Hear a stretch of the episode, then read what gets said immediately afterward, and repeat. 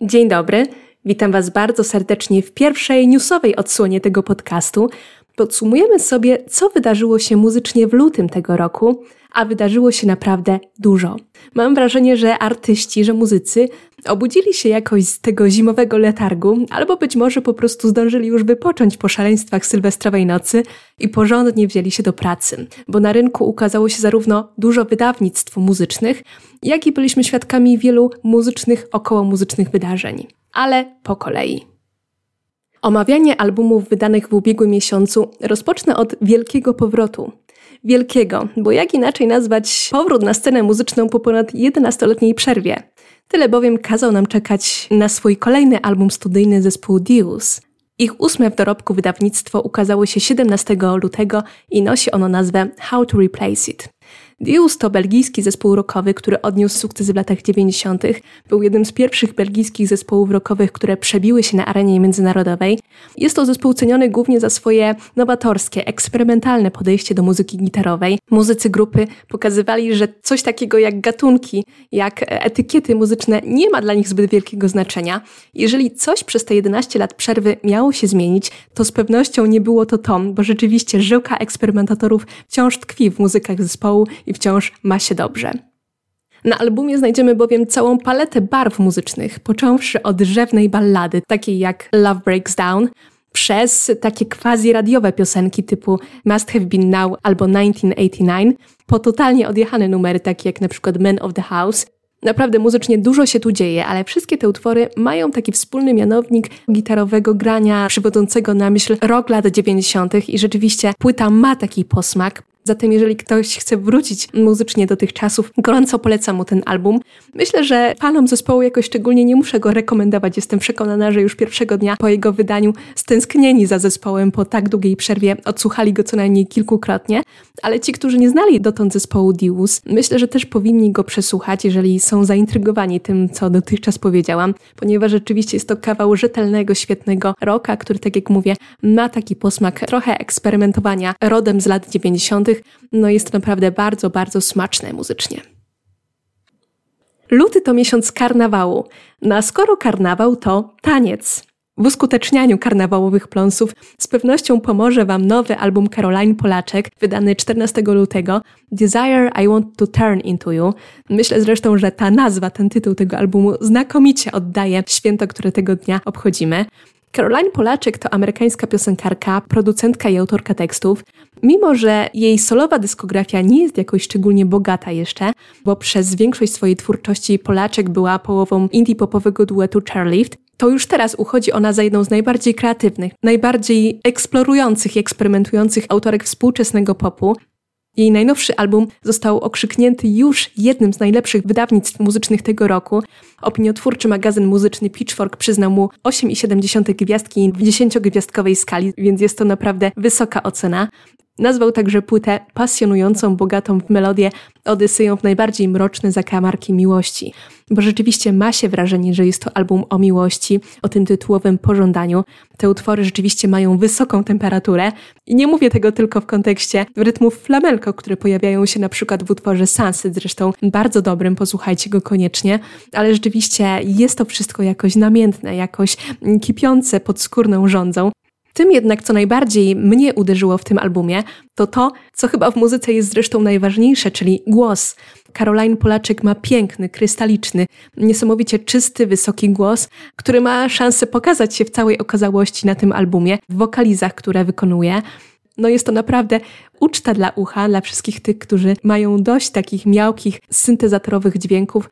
Rzeczywiście piękny głos Polaczek sprawia, że słuchanie tego albumu jest wyjątkową przyjemnością. Polecam Wam ten album, tak jak wspomniałam, jeżeli macie ochotę potańczyć, ale nie tylko, bo znajdują się tu również utwory bardziej mroczne, bardziej liryczne. No naprawdę jest to taki dobry, porządny, popowy album ze wszystkimi jego odcieniami i wariantami. Myślę, że Caroline Polaczyk podarowała nam płytę, do której często jeszcze będziemy wracać, bo są to utwory naprawdę dobre. Było już o albumach wydanych przez zagranicznych artystów. Czas teraz odwiedzić nasze rodzime muzyczne podwórko, no a tutaj król jest tylko jeden. Błażej Król wydał 9 lutego kolejny, siódmy już swój solowy album w każdym polskim domu. Mówiłam o muzyce tanecznej w kontekście Caroline Polaczek. Król również taką muzykę nam oferuje, ale troszeczkę inną. Jest tu mocna inspiracja dźwiękami syntezatorowymi lat 80. i 90. Ma się wrażenie, jakby to były takie utwory, które gdzieś mogłyby zostać zagrane, na przykład na jakiejś dyskotece, która wówczas miała miejsce, bo rzeczywiście taka jest też stylizacja tego albumu. Gdzieś głęboko nurza się on w nostalgii, w nostalgii naszego dzieciństwa, naszych domostw.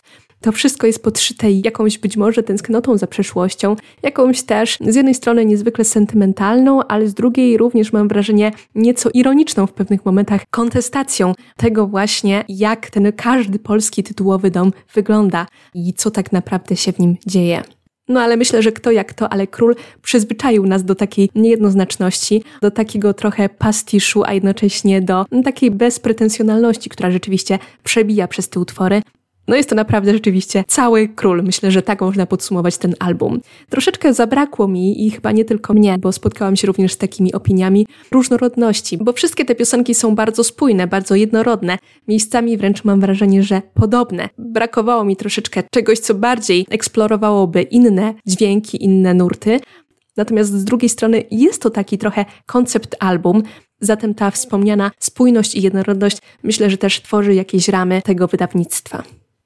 Warto też wspomnieć o gościach, znakomitych gościach, którzy pojawiają się na tym albumie. I myślę, że ich dobór również o czymś świadczy. Król, który zaczynał z pozycji zupełnie niszowego muzyka, no teraz wykonuje utwory wspólnie z prawdziwymi tuzami różnych gatunków muzycznych. Okazuje się, że zarówno w duecie z gwiazdą hip-hopu, Quebona Fide, jak i w duecie z gwiazdą polskiego alternatywnego popu, Arturem Rojkiem, wypada naturalnie. Więc myślę, że to również świadczy o jakiejś elastyczności, o jakiejś uniwersalności tego, co król robi na polskiej scenie muzycznej i też z o jego statusie, o tym, że rzeczywiście może on w tym momencie na swój album zaprosić każdego i nikt mu nie odmówi, przynajmniej na polskiej scenie muzycznej. Gorąco polecam, jeżeli macie ochotę na trochę sentymentu przyprawionego synth-popowymi brzmieniami lat 80. i 90. O wydawnictwach muzycznych, które ukazały się w lutym, mogłabym jeszcze mówić i mówić, ale tymczasem chcę powiedzieć o tym, co luty zapowiada, bo rzeczywiście w tym miesiącu ukazało się kilka zapowiedzi właśnie albumów, które ukażą się w najbliższych miesiącach. Jedną z takich zapowiedzi był singiel promujący 15 studyjny album Depeche Mode, który ma ukazać się 24 marca tego roku. Album będzie nosił nazwę Memento Mori. Singiel zaś, który ów album promuje, ukazał się 9 lutego i nosi on nazwę Ghosts Again. Wraz z utworem pojawił się wideoklip do niego, nawiązujący do filmu Siódma Pieczęć Bergmana. Jak sam Dave Gahan mówi o utworze, jest to idealny balans pomiędzy melancholią i radością. Dodał ponadto, że niezbyt często zdarza mu się, by nagrał on utwór, który nie nudzi mu się szybko, na tym razem tak się stało. Myślę, że warto zatem skorzystać z tej rekomendacji samego Gahana i utwór przesłuchać, bo myślę, że jest to naprawdę Depeche Mode w swojej bardzo dobrej odsłonie. Kolejną lutową zapowiedzią jest singiel wydany przez Lana Del Rey. 14 lutego wydała kolejny singiel promujący jej dziewiąty studyjny album, który ma się ukazać również 24 marca. Album będzie nosił nazwę Did You Know That There's a Tunnel Under Ocean Boulevard, a tytuł owego singla to A&W. Przypomnijmy, że jest to już drugi single promujący to wydawnictwo. Pierwszy ukazał się jeszcze w grudniu. Nosił on nazwę taką samą jak nazwa planowanego albumu. O ile jednak piosenka Did You Know That There's a Tunnel Under Ocean Boulevard, co za długa nazwa mówiąc na marginesie, no ale Lana chyba w takich gustuje. No więc wracając do rzeczy, piosenka z grudnia jest liryczna, taka mocno w stylu typowego liryzmu spod znaku Lany Del Rey, Natomiast A&W jest o tyle ciekawe, że jego druga część zwłaszcza to taka trochę oniryczna, trochę psychodeliczna podróż w jakieś muzycznie niekoniecznie kojarzone z Laną Del Rey rejony. No i wydaje się, że miejscami Lana ma ochotę nawet trochę porapować.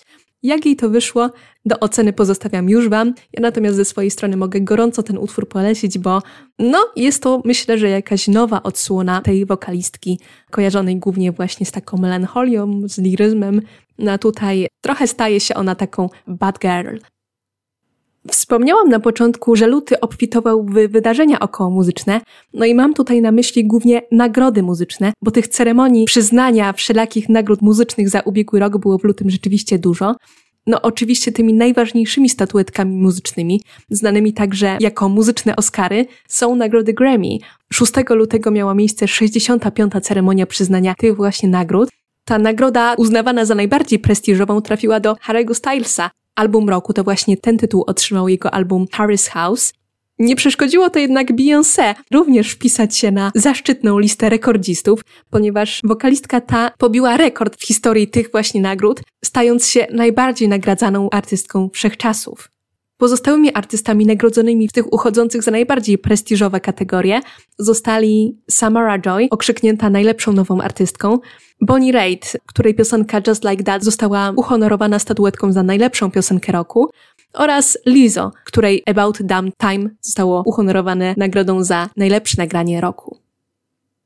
Także i po drugiej stronie oceanu nie zapomniano nagrodzić tych, którzy w 2022 roku zabłysnęli najbardziej. 11 lutego odbyła się w Wielkiej Brytanii uroczystość wręczenia nagród brytyjskiego przemysłu fonograficznego Brit Awards. Tutaj bank zdecydowanie rozbił Harry Styles, który zdobył aż cztery statuetki za album roku, został okrzyknięty artystą roku, jego piosenka As It Was została uhonorowana statuetką za najlepszą piosenkę roku, a także Harry wygrał w kategorii pop i R&B.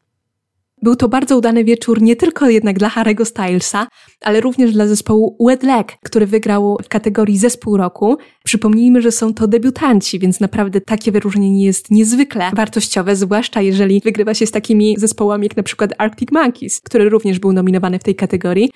Na skoro to debiutanci, to nie mogli również nie wygrać w kategorii Najlepszy Nowy Artysta.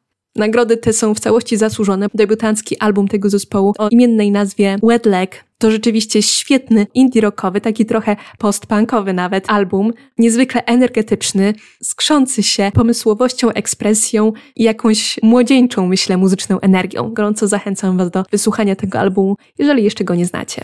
No oczywiście również dwie statuetki powędrowały do Beyoncé. Nie mogłoby być inaczej, w końcu 2022 rok to był również jej rok. Międzynarodowym zespołem roku okrzyknięto zaś zespół Fontaines DC.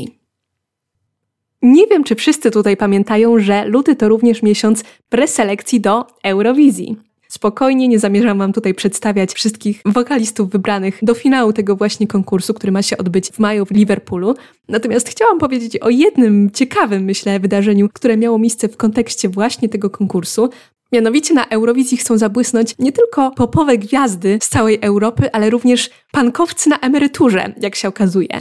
Johnny Lydon, znany jako Johnny Rotten, frontman legendarnego punk zespołu Sex Pistols, wystąpił na preselekcjach do Eurowizji ze swoją grupą Public Image Limited, wykonując piosenkę Hawaii. Co ciekawe, Lydon reprezentował nie Anglię, skąd pochodzi, ale Irlandię. Jak tłumaczył, jego rodzice pochodzą właśnie z tego kraju, ma on także irlandzki paszport, zatem jak najbardziej miał do tego prawo. Hawaii, czyli utwór, z którym zespół wystąpił, jest to piosenka skomponowana przez Lydona właśnie, zadedykowana jego chorej żonie, cierpiącej na chorobę Alzheimera. Jak mówił Lydon, jest to uniwersalna piosenka o miłości, która ma szansę rezonować z wieloma osobami. Dedykowana jest ona wszystkim, którzy przeżywają ciężkie chwile w życiu z osobą, na której zależy im najbardziej. To także przesłanie nadziei, że ostatecznie miłość zwycięża wszystko. No przesłanie piękne, niestety utwór nie wygrał. Zespół Lydona pokonała indie popowa grupa Wild Youth, która wykonała piosenkę We Are One. Ciekawe jest to, jak Lydon motywował swój pomysł wystąpienia na Eurowizji, no bo jednak no myślę, że tutaj chyba każdy czuje, że są to dwa różne światy. Punk, czy post-punk obecnie może już bardziej, i Eurowizja. Lydon, uzasadniając jakoś swoją decyzję, mówił, że Eurowizja to konkurs naprawdę okropnych piosenek.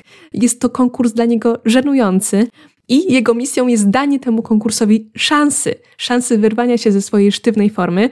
Myślę, że jest to niezwykle ciekawy sposób na bojkot czegoś, bojkot poprzez przystąpienie do tego. No, interesujący patent.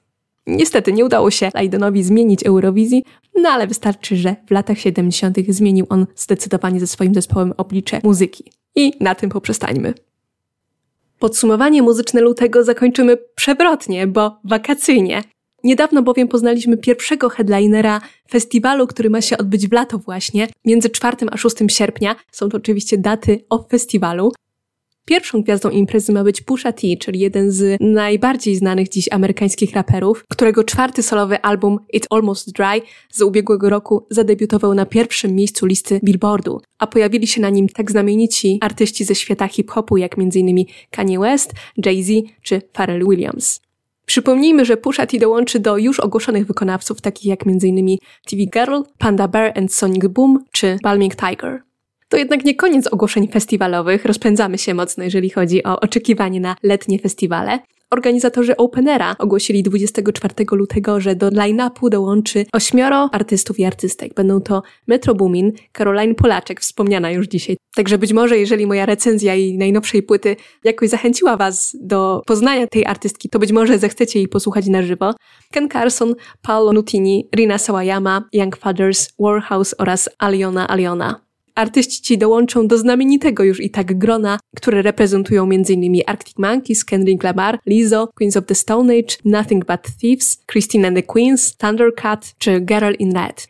Jest na co czekać, a lato zbliża się już, no, może niewielkimi krokami, ale z pewnością coraz więcej słonecznych dni jakoś kieruje nasze myśli ku letnim szaleństwom. Ja jednak żegnam się z Wami jeszcze w zimie. Do usłyszenia za miesiąc w podsumowaniu marca.